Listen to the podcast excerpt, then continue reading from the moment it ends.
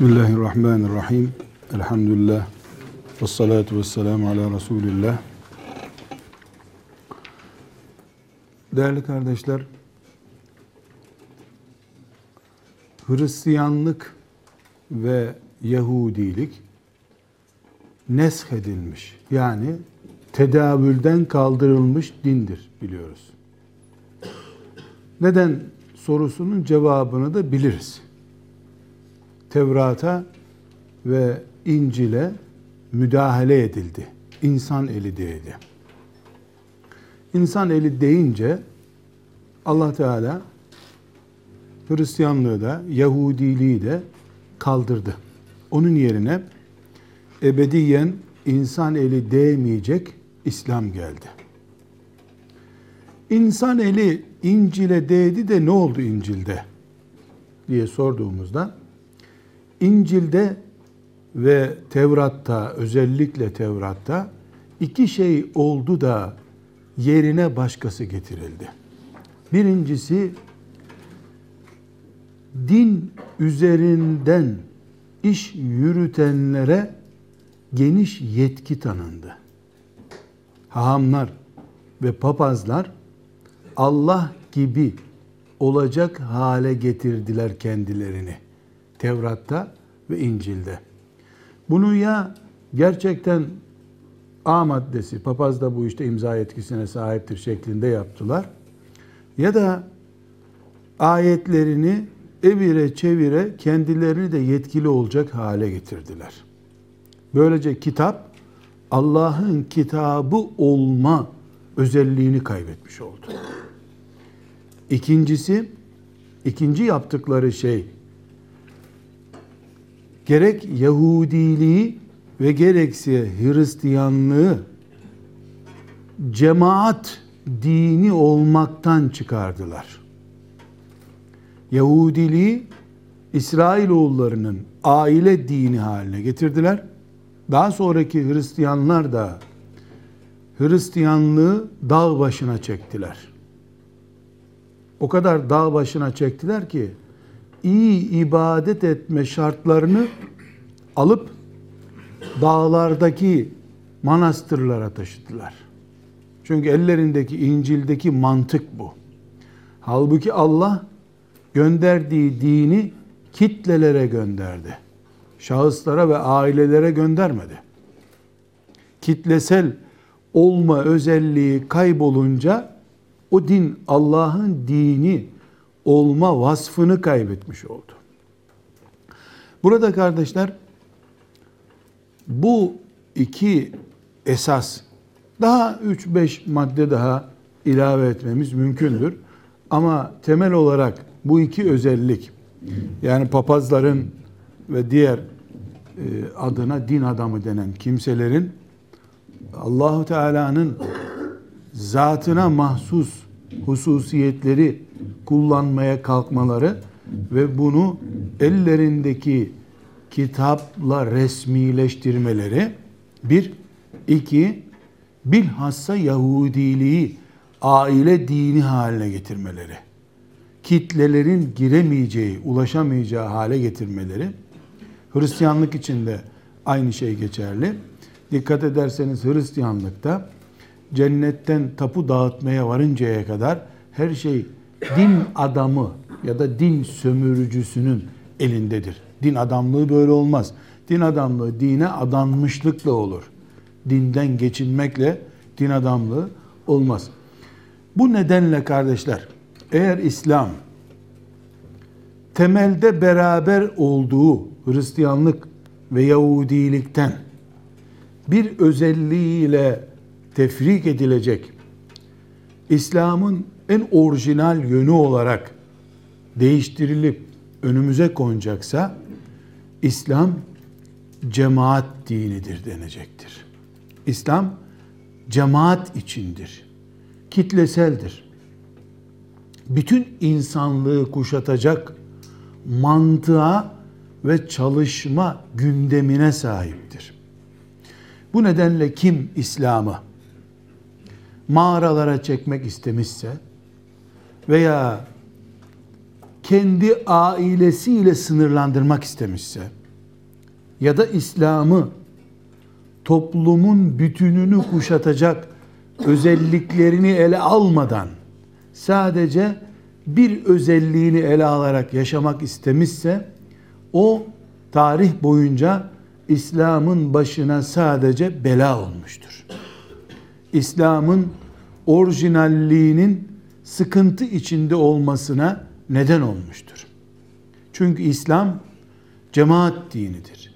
Cemaat yani insanlığın bütününü cemaat olarak kastediyorum. Sultanahmet'te namaz kılanların cemaatini demiyorum.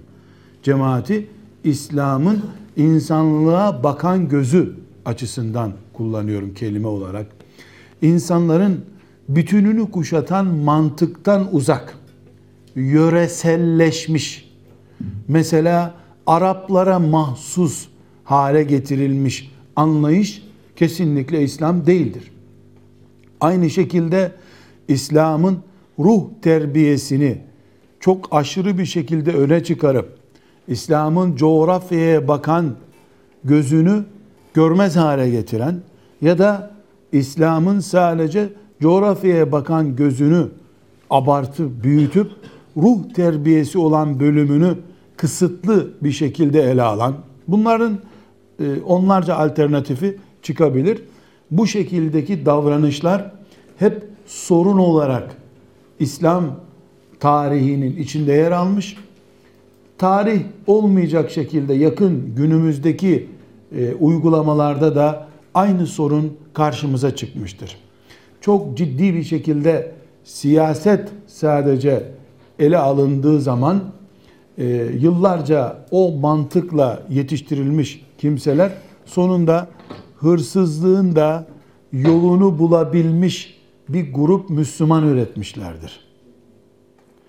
Veya İslam'ın e, evrenselliğini, siyasi boyutunu görmeden e, camları bile koyu renkli perdelerle kapanmış, adına tekke veya başka bir isim verilen bir yerde İslam'ı dar bir açı içerisinde yaşamak isteyenler de etrafındaki hırsızlıkları anlamayan kimseler olarak İslam'ı yaşamışlardır. Hırsızlık yapmak veya hırsızı anlayamamak ikisi de İslam'la birleşmesi çok zor sonuçlar. İslam hem hırsızlık yapmamayı hem de hırsızlık yapanı kollayabilecek bir anlayışı, idraki bulundurmayı bizden istemektedir. Buradan şu sonuca çıkıyoruz. Sadece İslam ve hırsızlık başlığı açmak değil maksadımız. Biz hırsızlığı insani bir sorun olarak gördüğümüz için bu örneği verdik. Siz bunu faiz olarak da anlayabilirsiniz. Ev hayatı olarak da anlayabilirsiniz. Ee, başka herhangi sosyal konulardan birisi üzerinden de bu örneğe ulaşabilirsiniz. Her halükarda önceki Yahudiliğin ve Hristiyanlığın kaldırılıp tedavülden kökten kaldırılıp yerine İslam'ın ebediyen kaldırılmayacak bir mantıkla getirilmesindeki ana neden bir insan elinin değmesidir. Tevrat'a ve İncil'e insan müdahalesidir. İki, bu dinlerin yöreselleştirilmesidir. Yöreselleştirilmiş veya insanların bir kısmına hitap etmiş ya da insanların sorunlarından sadece bir kısmını ele almış din haline getirilmeleri kaldırılmalarının nedenidir. Şeytan asırlar sonrası için yatırım yapan ciddi bir mühendistir. Hristiyanlığı asırlar öncesinden papazların eline mahkum, papazları da kimseye karışmaz e, bir mayalamaya tabi tuttuktan sonra tuttu.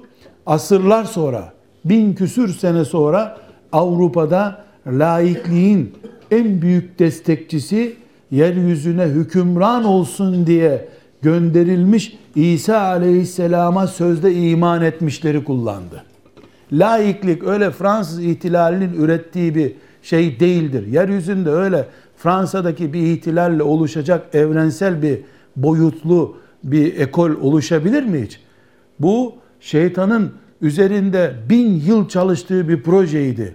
İsa Aleyhisselam'a karşı onu aile, ailesel sadece Ali İmran'ın çocuklarının bağlı olduğu bir din haline getirmeye başladığında şeytan Fransız ihtilalinden bin küsür sene önce yatırımını da yapmıştı arkadaşlar.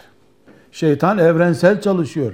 Habil ile Kabil'in arasına soktuğu fitne de 10 bin sene sonra sonuç versin diyedir. Bu nedenle nereden kablolu kablosuz internetten bu fuhşiyat nasıl yayılıyor diye çok araştırmaya gerek yok. Bunun yatırımını şeytan asırlar öncesinden yaptı. Yoksa şimdi genç bir kızı görüp genç bir delikanlıyı da bulup aralarında bir iletişim kurup hemen bu işi bitirmiyor şeytan.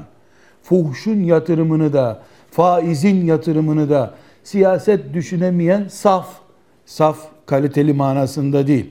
Yani eksik manasında saf diyorum. Saf e, ve yarı enayi bir Müslümanı da seneler öncesinden değil, asırlar da değil, binlerce sene öncesinden yaptığı yatırımlarla kullanıyor şeytan arkadaşlar. Bunun için biz birinci paragrafta şunu vurguladık. Vurguluyoruz burada. Yani bu İslam'ın bütün olarak anlayış, anlaşılmayışı, İslam'ın cemaat boyutunun idrak edilemeyişi bizden önceki ümmetlerin elinden dinin kökten alınması kadar ağır bir suçtur. Zira insanlık için din gönderen Allah'ın dininin insanlığın bir ailesini yahut da coğrafyanın bir boyutunu kuşatacak kadar daraltılması dinin kökten kaldırılmasıdır aslında. Allah yöresel din göndermemiştir. Sadece bir yörede yaşadığı için başka iletişim imkanı bulamayacağı için Salih Aleyhisselam'ı bir yöreye peygamber olarak göndermiştir. Ama Musa Aleyhisselam'dan sonra gelen bütün peygamberler evrensel peygamberdirler. En büyük uzayı da ihtiva eden evrensel mantığıyla Resulullah sallallahu aleyhi ve sellem Efendimiz gelmiştir. Bu nedenle Musa aleyhisselamdan sonraki bütün peygamberler siyasete talip peygamberdirler. Siyasete taliptirler. Nasıl taliptirler? Zira Kudüs'ü Musa Aleyhisselam'ın yönetimine vermediği için verme cihadına katılmadıkları için İsrail oğulları 40 yıl maymun ve domuz olarak sürünmüşlerdir yeryüzünde. Maymunlaşmanın kader olarak İsrail oğullarının üzerinde tecelli etmesi cihada katılmayı ve cihatla elde edilmiş bir toprağa Musa Aleyhisselam'ı hükümran olarak getirmeye yanaşmayışlarındandır. Cemaat olmak Musa Aleyhisselam'la beraber beraberinde siyaseti de getirdi. Çünkü Musa Aleyhisselam bir siyasi diktatörü, bir siyaset zalimini devirerek yeryüzünde işe başladı. Ama İsrailoğulları bunu takdir edemediler. Musa Aleyhisselam'ı kaybettiler. Siyasete el koyamadan Musa Aleyhisselam vefat etti. Aynı şekilde Musa Aleyhisselam'ı kaybettikten sonra Yuşa Aleyhisselam onun vekili olarak Kudüs'ü ele geçireceği zaman da aynı hainliği ve nankörlüğü yaptılar. 20 sene önce maymunlaşma cezasına e, çarpıldıkları halde akılları başlarına gelmedi. Allah da kökten ellerindeki Tevrat'ı da dini de kaldırdı. Bundan akıllanmaları gereken Hristiyanlar şeytanın asırlarca süren projesinin ağlarına takıldılar.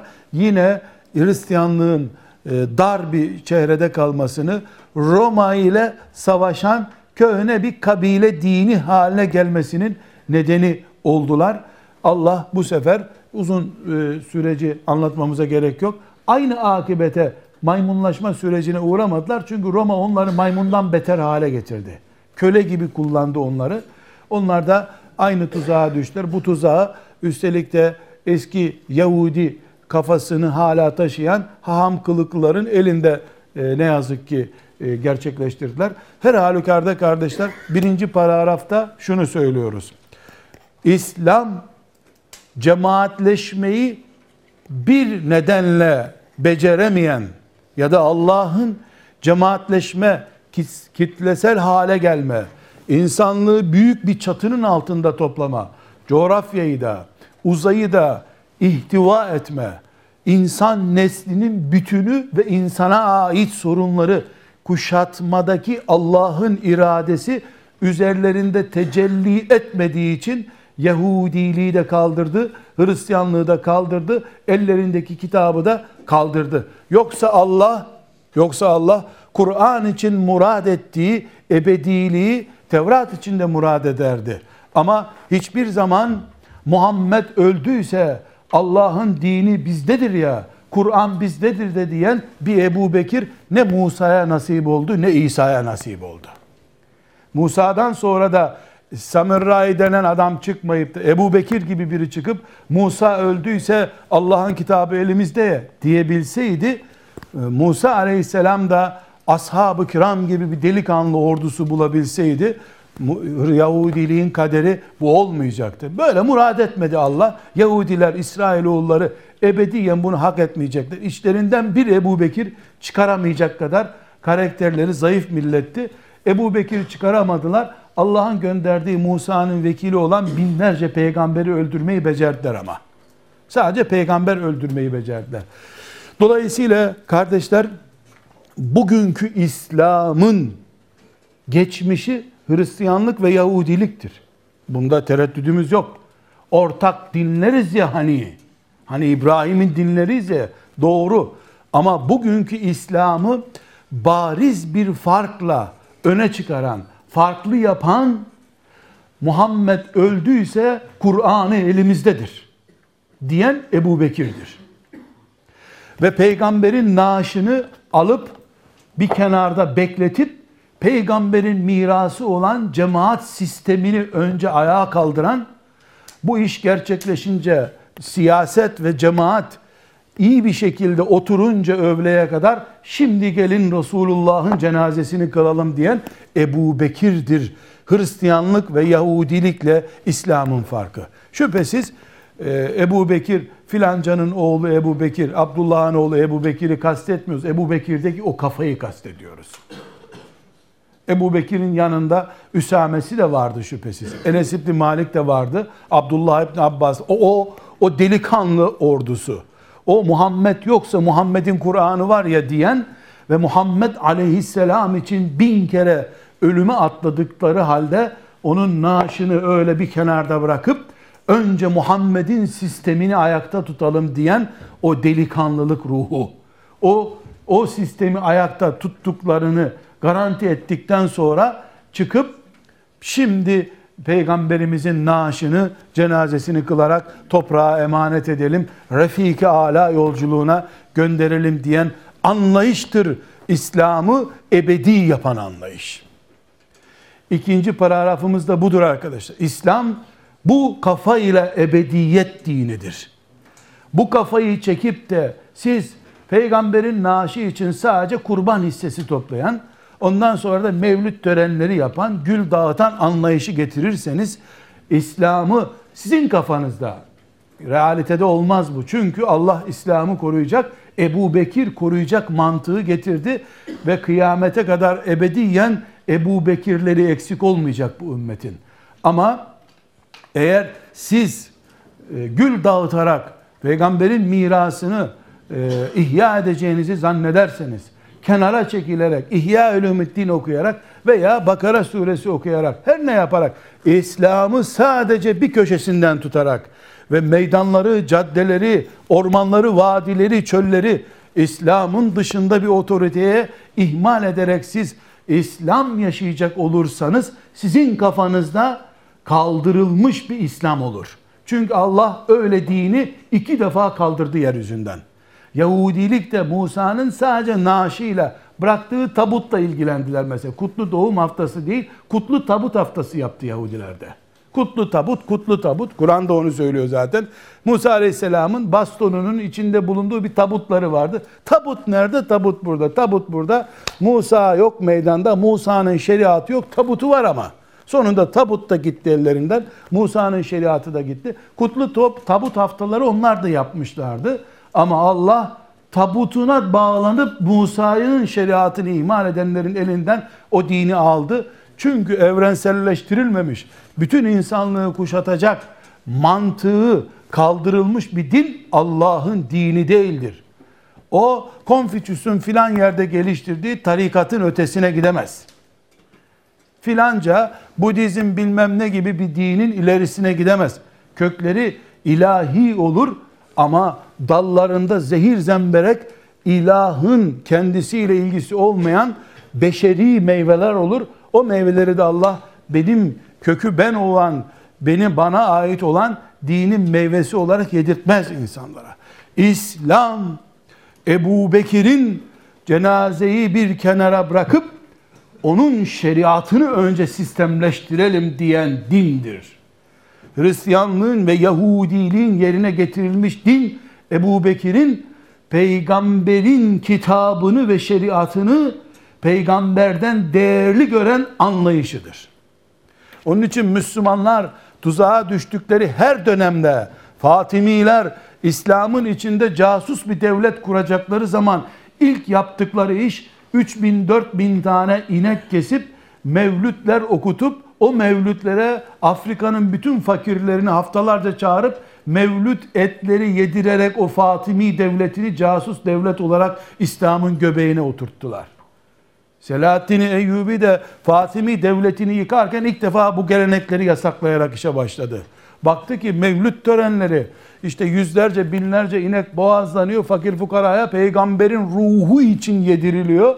Baktı ki böyle bir kampanya var bu bidatlerle uğraşmadan bu din Ebu Bekir'in o mantığına yeniden ulaşamayacağını anladığı için e, Selahaddin Allah ondan razı olsun bu müthiş hareketi başlattı. Şimdi İslam'ın Afrika'sından Kuzey Kutbu'na kadar yeniden hareketlendiğini görenlerin ellerine verilen nimetler peygamber hissesi için kurban kesme, kutlu doğum filan çeşit doğum şeklindeki törenlere dönüştürülmeye başlandı.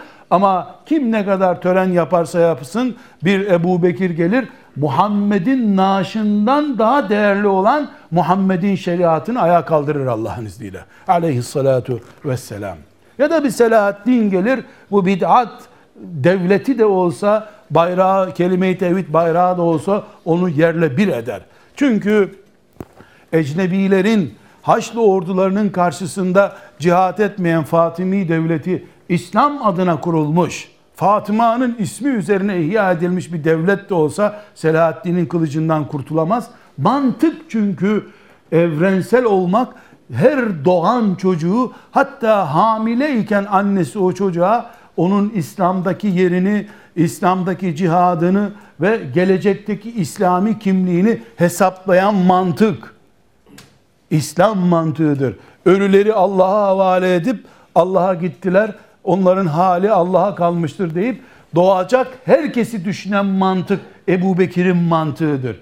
Şimdi mantık yavaş yavaş doğanın nüfus müdürlüğüne ölenleri de camilerle bağlantılı insanlar haline getiren mantık olunca İslam dirilerle değil ölmüş Muhammed'le e, cenazesi cenazesiyle ilgilenilen Muhammed'le aleyhissalatü vesselam ilgilenilir hale gelince kişilerin kafasında realitede olmaz bu ebediyen kişilerin kafasında kaldırılması gereken yerine Ebu Bekir kafalı bir din getirilmesi gereken mantık oluşuyor demektir.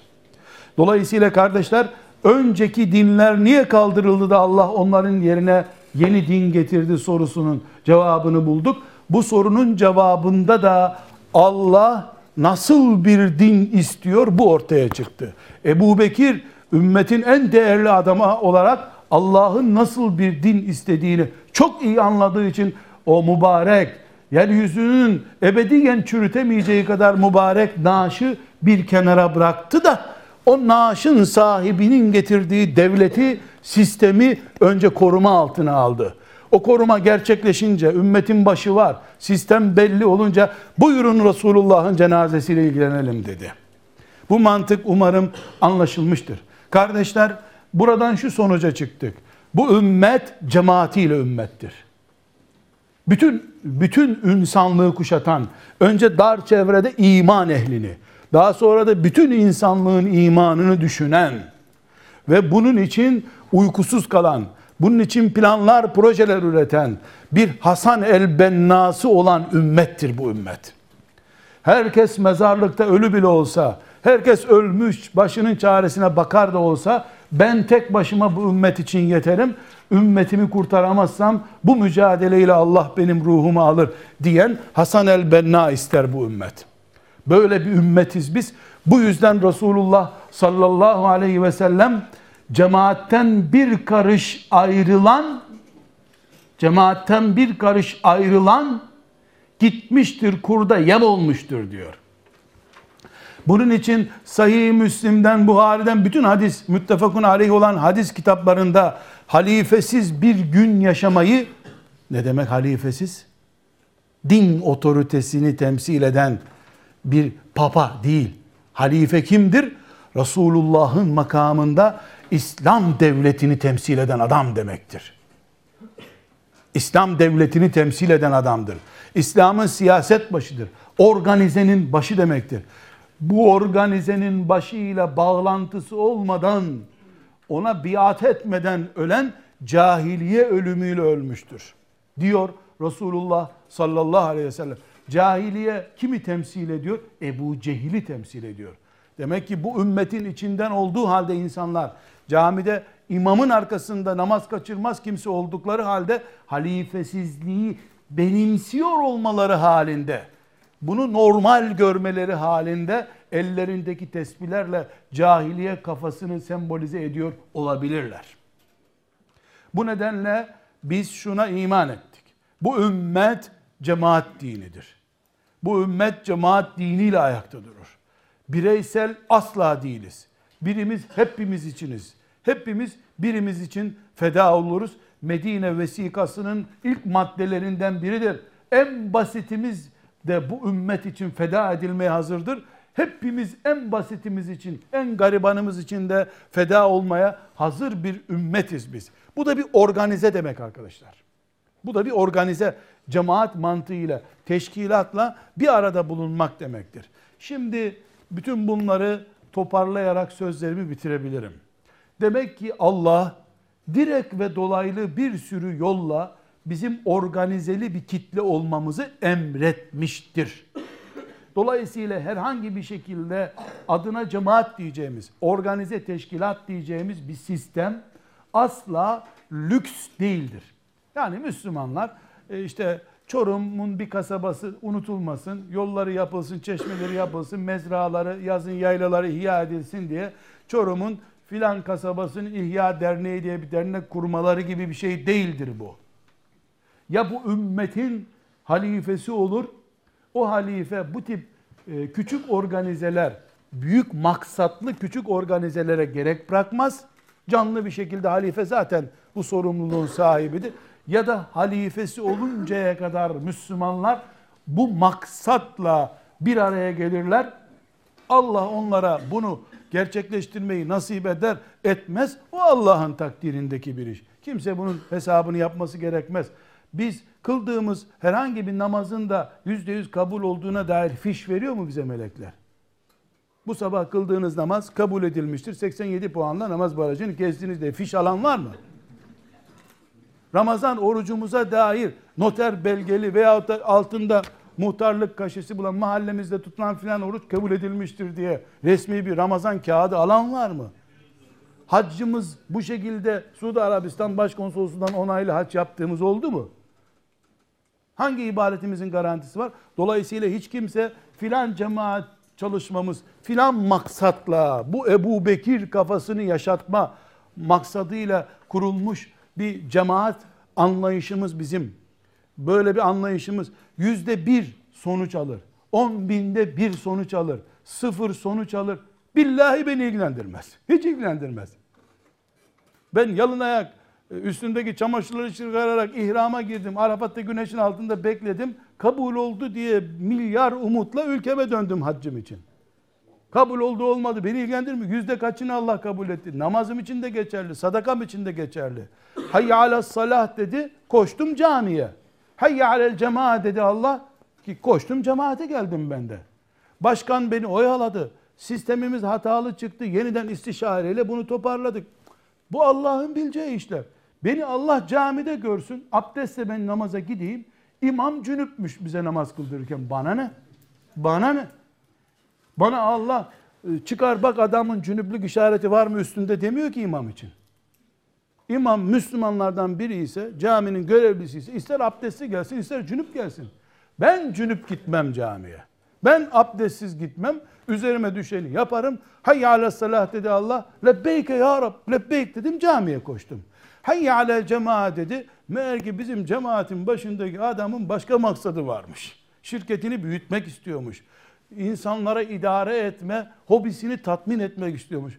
Hiç beni ilgilendirmez. Zahiren bir şey görürsem sen İslam'ın su istimal ediyorsun der. Öyle olmayanına giderim. Tıpkı imamı kalkıp da cuma hutbesinde filan sistemi koruyun Müslümanlar o da Allah'ın emridir filan diye beni batıla davet ederse cumayı bile kılmadan çıkarım camiden yetişebilirsem öbür Allah'a davet eden imamın arkasında kılarım. Hayy alel salahla hayy alel cema aynı olunca bir sorun yok ortada. Bu arada bizim sekreter sürekli benim bana ait aidatlarıma makbuz kesmiyor, cebine atıyor. Bana ne ya? Meleklerin makbuzuna bakarım ben. Misal yani.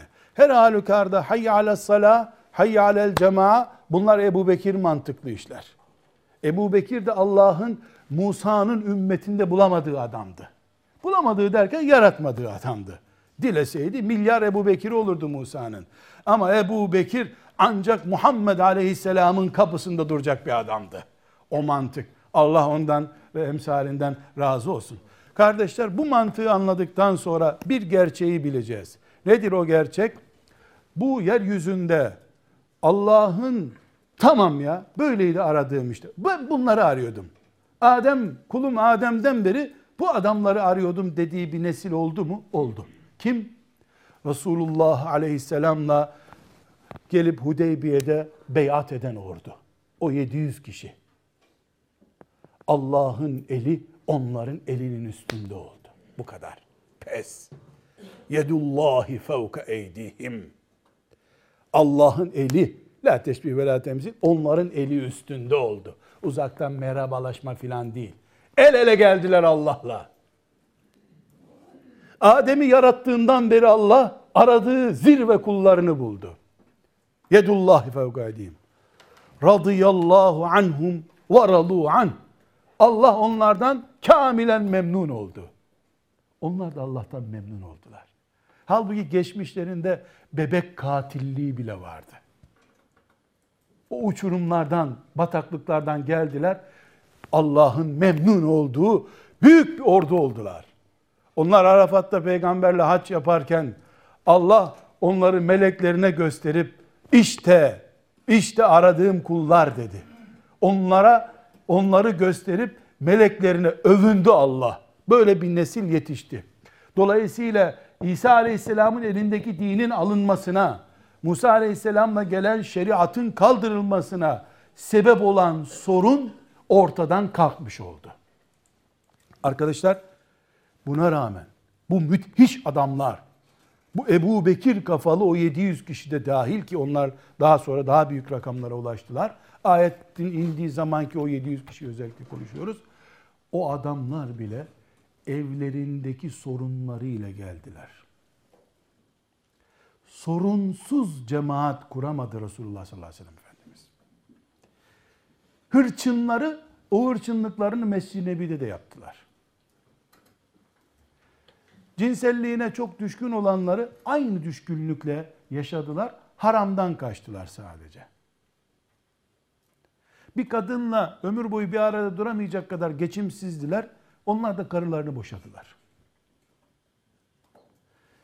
Resulullah bile bir cemaat kursa aleyhissalatü vesselam, bu insanlarla kurulduğu sürece melekli bir cemaat olmaz hiçbir zaman.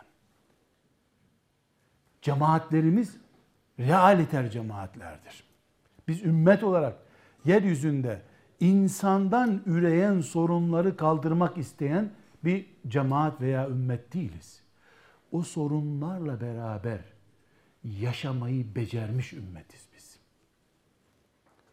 Çünkü insanın içindeki sorunlar kaldırıldığı zaman o melek olur.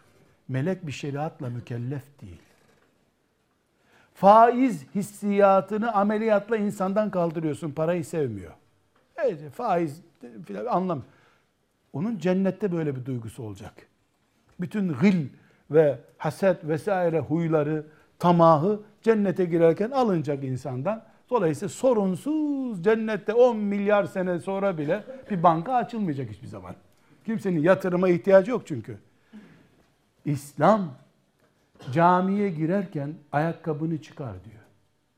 Ayakkabıyla camiye girilmez. Çünkü ayakkabı elini üst almadan bile caminin merdivenine sürterek ayakkabını çıkarabilirsin. Ama camiye girerken içindeki kızgınlığı, para ruhunu, ondan sonra karşı cinse bunları da caminin kapısındaki ayakkabılığa koy gel demedi kimseye şu ana kadar. Bilakis Resulullah'ın namaz kıldırdığı camide kadınlarla nasıl yaşanacağına dair aile konuları da konuşuldu. Çünkü ayakkabılığa bırakıp gelmemişlerdi şehvetlerini. Camilere cünüp girmek yasak. Şehvet dolu girmek yasak değil. Zaten caminin vazifesi o şehveti terbiye etmektir. O içteki hırsı terbiye etmektir. Cemaat olmak demek sorunları kaldırmak demek değildir. Liderimiz, cemaatimizin başı olacak şahıs da sorunsuz, sorunsuz bir cemaati idare etmek üzere oy birliğiyle seçilmez. Sorunlarımızı etkisiz hale getirmek için oy birliğiyle seçilir veya şura ile seçilir. Aranızdaki seçim sistemine müdahale etmeyeyim ben. Bunu idrak edemeyenler ancak bir tekkede şeyh efendi olabilirler. Bir tekke kurabilirler. Tekke nedir? Gözünü yumarak yaşama sanatıdır ve rahbaniyeten ibtedauhadır bu. Yani emretmediğimiz halde hahamların, papazların kendi kendine oluşturdukları sistem diyor Allah bunun için. Ma kitebna aleyhim. Biz öyle bir şey emretmedik Allah. Kadınlardan uzak durun. Hiç para kazanmayın. Tarlalara çıkmayın demedik diyor Allah. Papazlar bunu icat ettiler. Daha dindar olmak için. Sorunları kilisenin dışına bırakıp içeride Allah'a kulluk yapmak istediler. Bunun adı kulluk değil. Bu imtihan pistinden kaçıp düz yolda bak nasıl araba kullanıyorum demektir. İmtihan pistinde araba kullanacaksın. Cemaat içimizdeki sorunlarla devam ettiği sürece cemaattir. Ömer bin Hattab'ın adaletiyle iş yapacak olsan bile karşına dikilecekler muhakkak. Bu böyledir. İnsanlar seni adını anmaya bile tahammül edemeyecek kadar sana aşık olup seni sevecekler. Biri çıkıp da hırsızlıkla itham edecek. Hatta ve hatta Miraç'tan döneli 10 sene olmamış. Yeryüzünün rahmet sebebi olan bir peygamber bile olsan yakana yapışıp zulmediyorsun. Adil değilsin diyecekler sana. Ve üzerindeki elbisen gırtlağını kesecek kadar az kalsın boğulacak kadar eziyet göreceksin. Sonra diyeceksin ki ben adil değilsem kim adil olur yeryüzünde? Buna rağmen özür dilemeyecek adam senden. Yüz deve almadan gitmeyecek. Bu ne demek biliyor musun? Kongrede veya istişare toplantısında başkan sen ne yapıyorsun dediklerinde fesubhanallah kaç aydır aidat toplamadan bu işi idare ediyoruz üstelik de siz nasıl böyle tenkit ediyorsunuz demeyeceksin. En büyük cemaat büyüğü de bu tenkitlerle karşılaşmıştı diyeceksin. Bu kongrede beni itham edenlere hakkım haram olsun diyemezsin. Çünkü sen sorunsuz, tenkitsiz bir cemaat istiyorsun demektir. Ben karşılaşacağımız sorunları tadat etmek istemiyorum. Ama genel bir başlıktan bir örnek vermek istiyorum kardeşler. Cemaat meleklerin başına geçmek demek değildir. Ebediyen melek olmayacakları idare etmek demektir. Meleklerin başı var. Cebrail aleyhisselam bunları idare ediyor zaten. Sen zahmet etme. Yani meleklerin dosyasıyla meşgul olma. Ebediyen melek olması mümkün olmayan. Karısına söz geçiremeyen ama senin dişlerini sökmek isteyen birisiyle çalışacaksın. Bu yeteneği olmayan cemaate sadece dua etsin, ucuna geçmesin cemaatin. Bu yeteneği olmayanlar, işin bu inceliğini kavrayamayanlar, cemaatlerimizin kısa ömürlü olma nedenidirler. Kardeşler, işimizin hayır ve bereket olmasını Allah'tan niyaz ediyorum. Velhamdülillahi Rabbil Alemin.